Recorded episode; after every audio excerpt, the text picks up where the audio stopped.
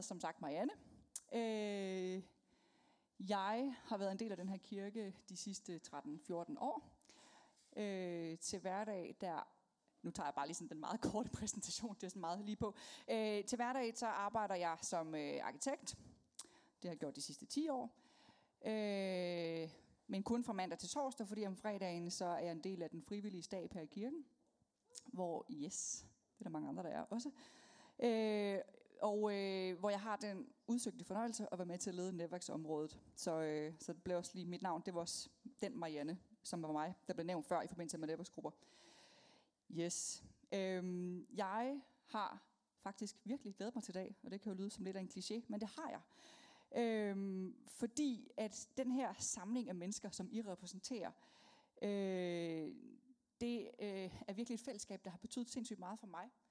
Øh, mange af jer, som sidder her nu, har jeg kendt i lang tid. Nogle har er lidt nyere bekendtskaber, og andre har jeg måske ikke noget at hilse på endnu, men det håber jeg kommer til på et tidspunkt. Øh, og grunden til, at det gør mig så opløftet og fylder mig med taknemmelighed at være en del af det her, det er, fordi jeg i mit eget liv har erfaret, øh, hvor, hvor kæmpe en betydning det simpelthen har at være en del af sådan et fællesskab her. Øh, og kirke, det har for mig ændret sig øh, fra at være et sted, hvor jeg ligesom gik kendt for at dyrke min tro. Jeg er opvokset med tro. Øh, men det har ligesom udviklet sig til at mere at være et fællesskab af troende, øh, som samles for at udforske, hvad det vil sige at være disciple af Jesus gennem livets op- og nedtur. Og det er den definition, der ligesom har øh, ændret alt for mig. Øh, og fordi i kirkens fællesskab, der har jeg oplevet, hvordan ærlige, autentiske mennesker, de har været med til at rykke og udfordre mig til at leve et mere ærligt, autentisk liv. Øh, til trods for, at jeg er uperfekt faktisk. Øh, og jeg ved, fordi jeg har oplevet mit eget liv og set det igen og igen omkring mig, blandt andet her til gudstjenester og til Nevers gruppe, at øh, det også har øh, potentiale til at ændre alt for dig.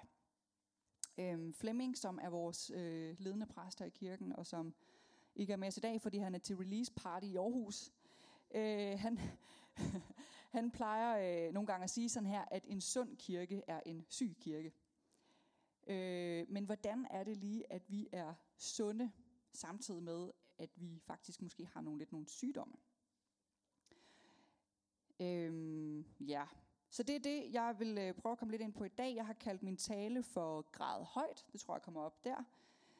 Øhm, og det kommer til at handle om, hvordan vi som individer øhm, ligesom kan blive den bedste version af os selv, til trods for, at vi øh, kæmper med ting. Øh, og til trods for, at, øh, ja, at vi er uperfekte, og hvordan fællesskabet alligevel øh, kan hjælpe os til at nå ud over det. Øhm, for at vi også både som individer og som fællesskab kan blive den, øh, den bedst mulige version af os selv, fordi at så kan vi nå ud og gøre det, som Jesus er kaldet til, nemlig at bringe andre mennesker ind i fællesskab med ham. Øhm, for jeg tror, at det er, eller tror, jeg ved, at det er en virkelighed, øh, at uanset om du er troende eller ej, øh, så, er der bare, så sker der bare ting i vores liv, som vi ikke forstår. Øh, ting, som gør ondt. Det kan være, at vi mister vores job, dumper en vigtig eksamen, øh, mister fodsfest i vores ægteskab, mister en kæreste, eller kæmper med at overhovedet at finde en kæreste. Eller vi kan også blive ramt af alvorlig sygdom, øh, langvarig depression, kroniske, fysiske eller psykiske lidelser, eller måske en cocktail af flere af de her ting. Og for at vi ligesom øh, hver især øh, for, for, for det mest mulige med os her i aften, så kunne jeg godt lige tænke mig, at vi starter, inden vi sådan går rigtig i gang, med lige at bruge et par sekunder på hver især stille og, øh, og tænke over, øh, hvor du er i dag. Og jeg prøver ikke, og det gør jeg virkelig ikke, prøv at vride en smerte ud af dig, eller et eller andet, du skal gå og være enormt ked af. Hvis, hvis ikke du kommer på noget i de her øh, 10 sekunder, du får, så kan det være, at det simpelthen er fordi, at du er den, som kan, kan være noget for andre i dag. Men jeg vil gerne have til at tænke over her til start, øh, hvad der er din virkelighed i dag. Øh, hvad for nogle udfordringer står du i, helt konkret? Øh, det kan både være noget tilbagevendende, eller et eller andet, som bare ligesom lige er lige nu. Øh, og I får simpelthen lige øh, lidt stillhed til at tænke over det. Sæt i gang.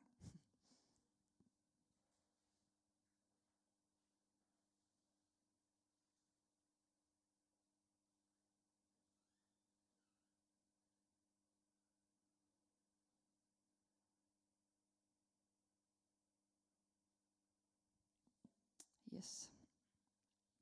Prøve at holde fast i, i tanken i løbet af talen her, og det kan også være, at du kommer i tanke om nogle helt andre ting undervejs. Øhm, vi skal læse en, et uddrag af en beretning fra Gamle Testamente, som handler om en mand, der hedder Job. Øh, Job, nogle af jer kender ham måske, nogle gør ikke, men Job, han, øh, han bliver beskrevet som øh, en meget retskaffen og gudfrygtig mand, som gjorde det bedste for ikke øh, at synde mod Gud. Sådan startes øh, bogen. Øh, og han var meget rig. Han havde 10.000 får og mange kameler og alt muligt. Og så havde han øh, syv sønner og tre døtre. Øhm, og så var det sådan, at hans børn de godt kunne lide øh, at feste hos hinanden på tur. Så, øh, så det, det gjorde de, jeg ved ikke, måske hver weekend, sådan lidt på tur. Øhm, og så et udtryk for hans, hvad kan man sige, retskaffenhed, eller hans sådan, øh, ivrighed efter at være i et ret forhold til Gud, både for sig selv og på hans børns vegne.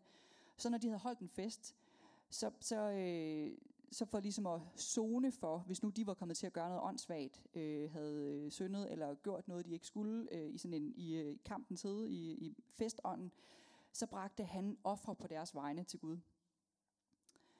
Øhm, så han var på alle måder bare virkelig, virkelig et godt menneske, som bare søgte at stå i et ret forhold til Gud. Og han var faktisk så god, at, øh, at Gud han også havde bemærket det. Øhm, og så øh, efter den her indledning, hvor man lige får at vide, hvor god Job han er, så, øh, så skifter man scene til sådan et sted, hvor, hvor øh, Gud og Satan sidder og diskuterer. Eller de, de, de er ikke de eneste til stede, der er sådan forskellige til stede. Øh, og så Gud han fremhæver ligesom den her mand. Og så øh, for hvor god han er. Og så øh, stiller Satan bare et rigtig stort spørgsmålstegn ved det. Altså siger, at det er jo klart, altså den her mand, han har jo alt. Han er den, måske den rigeste mand i hele området. Han har sindssygt øh, meget at være taknemmelig for. Øhm, men hvad vil han sige, hvis det var, at han mistede alle de her ting? Øhm, og Gud han giver ham faktisk, giver Satan lov til at tage alle ting fra ham. Så det sker. Øh, Job han øh, mister alle sine dyr på lidt forskellige måder. Nogle de bliver, øh, hans øh, markarbejdere bliver overfaldet af nogen fra et eller andet fremmed land, og de tager alle kamelerne. Nogle andre, forerne tror jeg de er, de bliver, øh, der, der da lyn, der slår ned, øh, så alle foran slipper fri. Øh, og så sker der også det, som er måske det tungeste, og det er, at der er en kraftig storm, som gør, at, øh, at det hus, hvor den weekend eller den aften, hvor, hvor søskenden var kommet dertil øh, for at holde fest, øh, blæser om kul og slår alle i huset ihjel, så der ikke er en eneste af hans børn, der overlever. Men Job, han, øh, han forbander ikke Gud. Han siger, at hvis man tror på Gud, så må man tage både, hvad kan man sige, det sure og det søde, som er sendt mod en. Og så ser man øh, Gud og Satan igen have en samtale øh, omkring, jamen det er jo også klart, altså, men, øh, og Satan bliver sådan lidt, hmm, hvad kan vi så finde på? Men altså, hvis nu, at, øh, hvis nu han var syg, så vil han nok forbande Gud, eller frasige sig Gud. Så øh, Satan han får lov til at gøre Job syg. Øh, rigtig, rigtig syg, alvorlig syg. Øhm, og det er her, vi møder Job. Nu var det måske en lidt lang indledning. Men så vi skal læse øh, fra, hvor øh, Job han er blevet ramt af alle de her ting. Øh, og så har han øh, nogle gode venner, som kommer til ham. Så vi skal læse fra Jobs bog 2, 11 og lidt fremad. Øhm, yes, teksten den kommer op herop. Da Jobs tre venner hørte om de tragedier, der havde ramt ham, aftalte de med hinanden, at de ville tage hen for at trøste og opmuntre ham. De tre venner var Elifas fra Teman, Bildad fra Shua og Sofar fra Namat. Da de kom til Job, kunne de næsten ikke genkende ham, så frygtelig så han ud. De brast i gråd og rev flænger i deres tøj og kastede støv op i luften. De satte sig på jorden ved siden af ham, uden at sige et ord, for de kunne se, at han havde store smerter. I syv dage, dag og nat, sad de og led sammen i tavshed. Så hopper vi lidt Øhm, til sidst brød Job tavsheden. Og så siger han sådan her. Forbandet være den nat, jeg blev født. Det øjeblik, man udbrød. Se, det blev en dreng. Lad den nat forblive i det skjulte, blive skubbet ud i den gudsforladte intethed. Lad den blive dækket af glemselens mørke. Ja, gid mørket ville tage den i sig igen. Gid tågen ville skjule den, og skyerne dække den. Gid mulm og mørke ville opsluge den helt. Ja, Riv den ud af kalenderen. Lad den ikke tælles blandt årets dage. Lad den ikke høre hjemme i nogen måned. Hvorfor holder Gud liv i de mennesker, der lever i smerte og elendighed? De søger uden held efter døden, som var den en sjælden skat. De råber højt af glæde, når de endelig når deres grav. Hvorfor lader Gud mig leve, når jeg er uden fremtid og håb? Det, jeg frygtede allermest, er sket. Mine værste drømme er blevet til virkelighed. Jeg er restløs og uden ro, dybt begravet i min smerte. Øhm, og sådan øh, indleder Job det, som bliver til en, øh, til en bog i Bibelen, som er 42 kapitler i alt, og hvor de øh, faktisk omkring de 39 af dem er en vekselvirkning mellem, at, øh, at Job han klager på den her måde, at han prøver at forsvare sig mod hans venner, som senere, efter de har været tavse i en uge, begynder at øh, i rettesætte ham og sådan nogle ting. Øh, så Job han øh, er virkelig en ramt mand. Ja. Og lige inden jeg sådan går videre ind, så er jeg lige nødt til at sige, at jeg kommer ikke ind på selve konceptet eller grundpræmissen i ledelse, eller hvorfor eller hvordan der, der kan være smerte og ondskab i en verden, hvis Gud er til, eller om, om det er Gud, der sender smerten. Det som man også kan kalde den ondes problem. Og det er ofte det, man kigger på, nemlig når man snakker om Jobs bog. Øh, og Jobs bog er en guldgruppe, hvis man er interesseret i øh, at forstå Guds forhold øh, til lidelse og den lidende. Men, øh, men jeg vil i stedet for dreje den lidt over på at se, at, eller, øh, starte der, hvor, hvor vi ligesom tager udgangspunkt i, at der er ondskab og lidelse i den verden, vi lever i. Og dermed er vi også i større eller mindre grad, som vi sidder her i dag, en, øh, en midt i den virkelighed. Og vi kan i større eller mindre grad, eller i forskellige perioder af vores liv, mærke lidelse. Øh, og den vigtige pointe er, at Gud han lader sig ikke skræmme af vores kampe og vores måske anklager mod ham midt i den lidelse.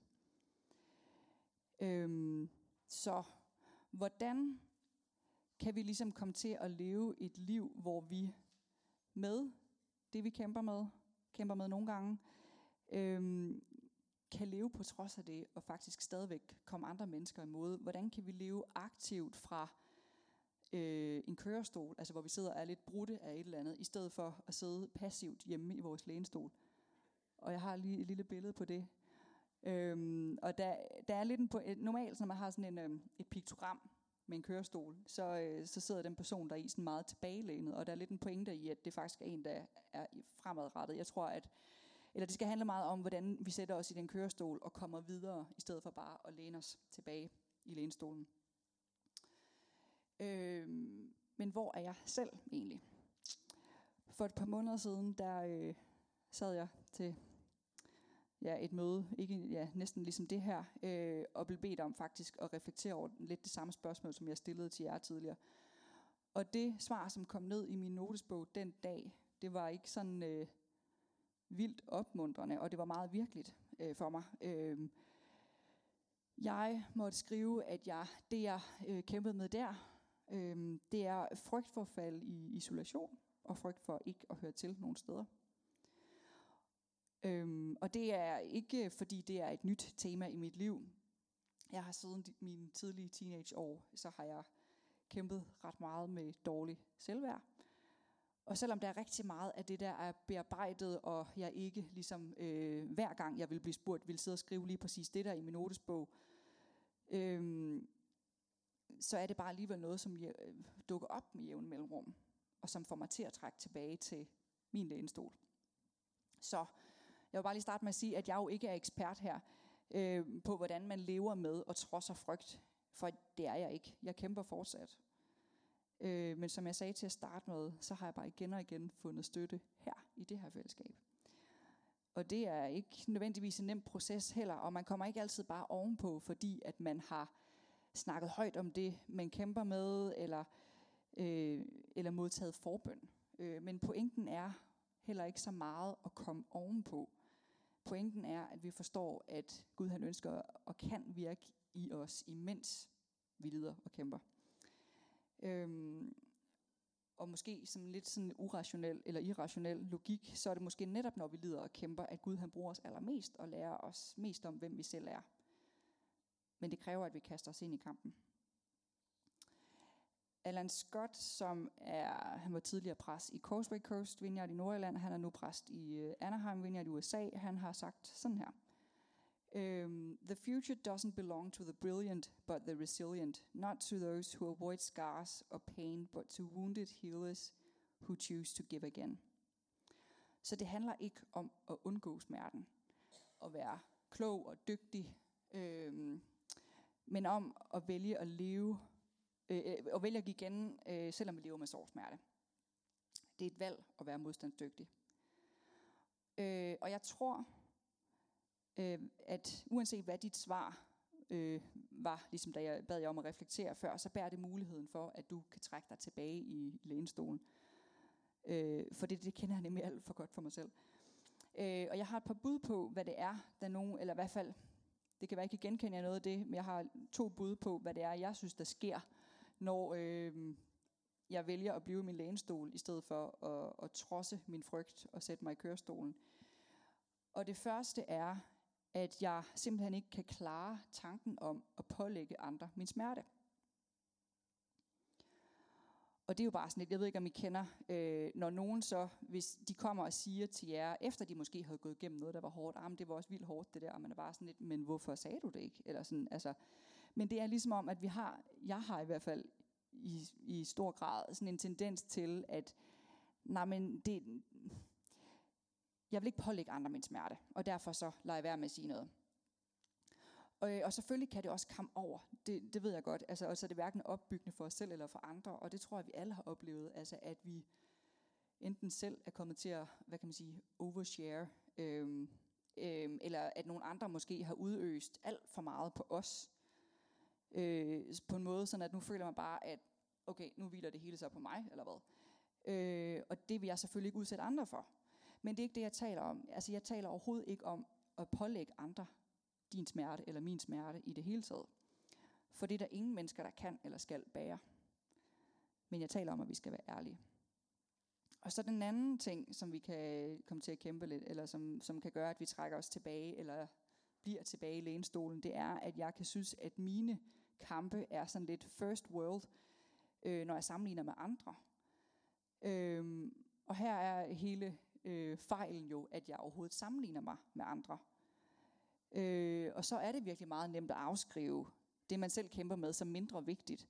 Øh, fordi du kan altid finde nogen, som ser ud til, eller som i virke, faktisk også kæmper mere, end du gør. Øh, men det regnstykke, det er fuldstændig forkert. Jeg bliver simpelthen nødt til at anerkende min egen kampe som vigtig nok. Fordi det er den eneste måde, jeg kan bekæmpe dem på. Øhm, og det kan være, at du øh, identificerer noget helt tredje, som får dig til at blive i lænestol, men det her, det var lige sådan de to største ting, jeg selv synes, jeg oplever. Øh, men uanset hvad det er, der gør, at du trækker dig tilbage til lænestolen og bliver siddende der, det er, at så er problemet, at jo længere jeg holder min smerte på afstand af andre mennesker, jo mere immun bliver jeg over for os at lytte til andres smerte. Jeg bilder mig ind, at jeg beskytter andre fra mig selv, men i virkeligheden, så sker der det helt modsatte. Og resultatet, det er, at jeg kan ende med at blive mere og mere sådan indkroget i mig selv, mere og mere navlepillende, og mere og mere isoleret og ensom. Øh, og det er, en, det er en meget, meget stor modsætning til at være, den, øh, være det bedste, vi kan øh, for os selv og for andre. Øh, I sin, øh, C.S. Lewis han har skrevet en bog, der hedder Den Store Skilsmisse, som blandt andet, eller det handler om himmel og helvede. Og der har han sådan et billede på helvede, som øh, er, at det er et sted, hvor mennesker, de, øh, de sådan fortsætter med at flytte længere og længere og længere og længere væk fra hinanden, fordi de simpelthen ikke kan holde hinanden ud. De er mistroiske over for hinandens hensigter, og de er ude af stand til ligesom at se ud over deres eget. Og de ender på den måde med at bo mange tusind kilometer væk fra hinanden. Øhm, på den måde så ender mennesket med at blive afskåret fra enhver fysisk og sådan menneskelig kontakt med andre. Og det er ikke den virkelighed, Gud han ønsker, vi skal leve i. Da Jesus han begyndte sin tjeneste her på jorden, så startede han med at proklamere, nu er tiden inde. Nu er Guds rige kommet nær. I skal ændre jeres indstilling og tro på det glædelige budskab, som jeg bringer jer. Øhm, Guds rige er det modsatte af at holde sig på afstand det er at komme tættere på. Helt, helt tæt på. Da Jesus gik omkring her, der var han, sådan et, der var han et banebrydende eksempel på en, som kom folk i møde, og, og det de stod i. Øhm, men han inviterede os også ind i sin egen smerte. Vi fejrede påske i sidste uge, og der øh, ser vi blandt andet, hvordan han øh, torsdag nat, før han bliver taget til fange, øh, beder om, at hans lidelse må blive taget fra ham. Øh, og langfredag lige inden han dør, giver han udtryk for den ultimative lidelse og smerte. Min Gud, min Gud, hvorfor har du forladt mig? Så det er ikke kun Job, der er et forbillede i at græde højt. øh, Jesus, han er også åben omkring sin egen smerte. Øhm, I starten af bogen, der så vi, hvordan Jobs venner, de øh, satte sig sammen med ham i en hel uge, og bare var sammen med ham. Og det er jo umiddelbart meget forbilledeligt. Øh, det, det tror jeg, enhver også vil sige.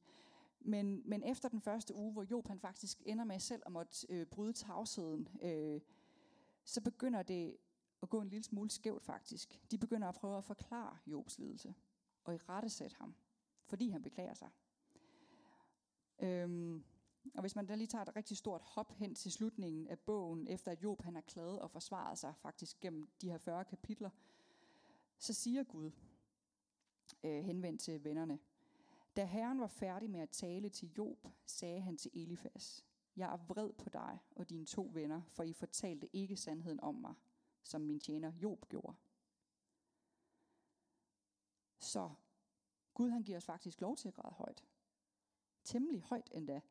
Øh, og jeg må gerne sætte ord på at være højlydt. Øh, og jeg må til synligheden også græde rigtig, rigtig længe, øh, hvis det er det, der skal til.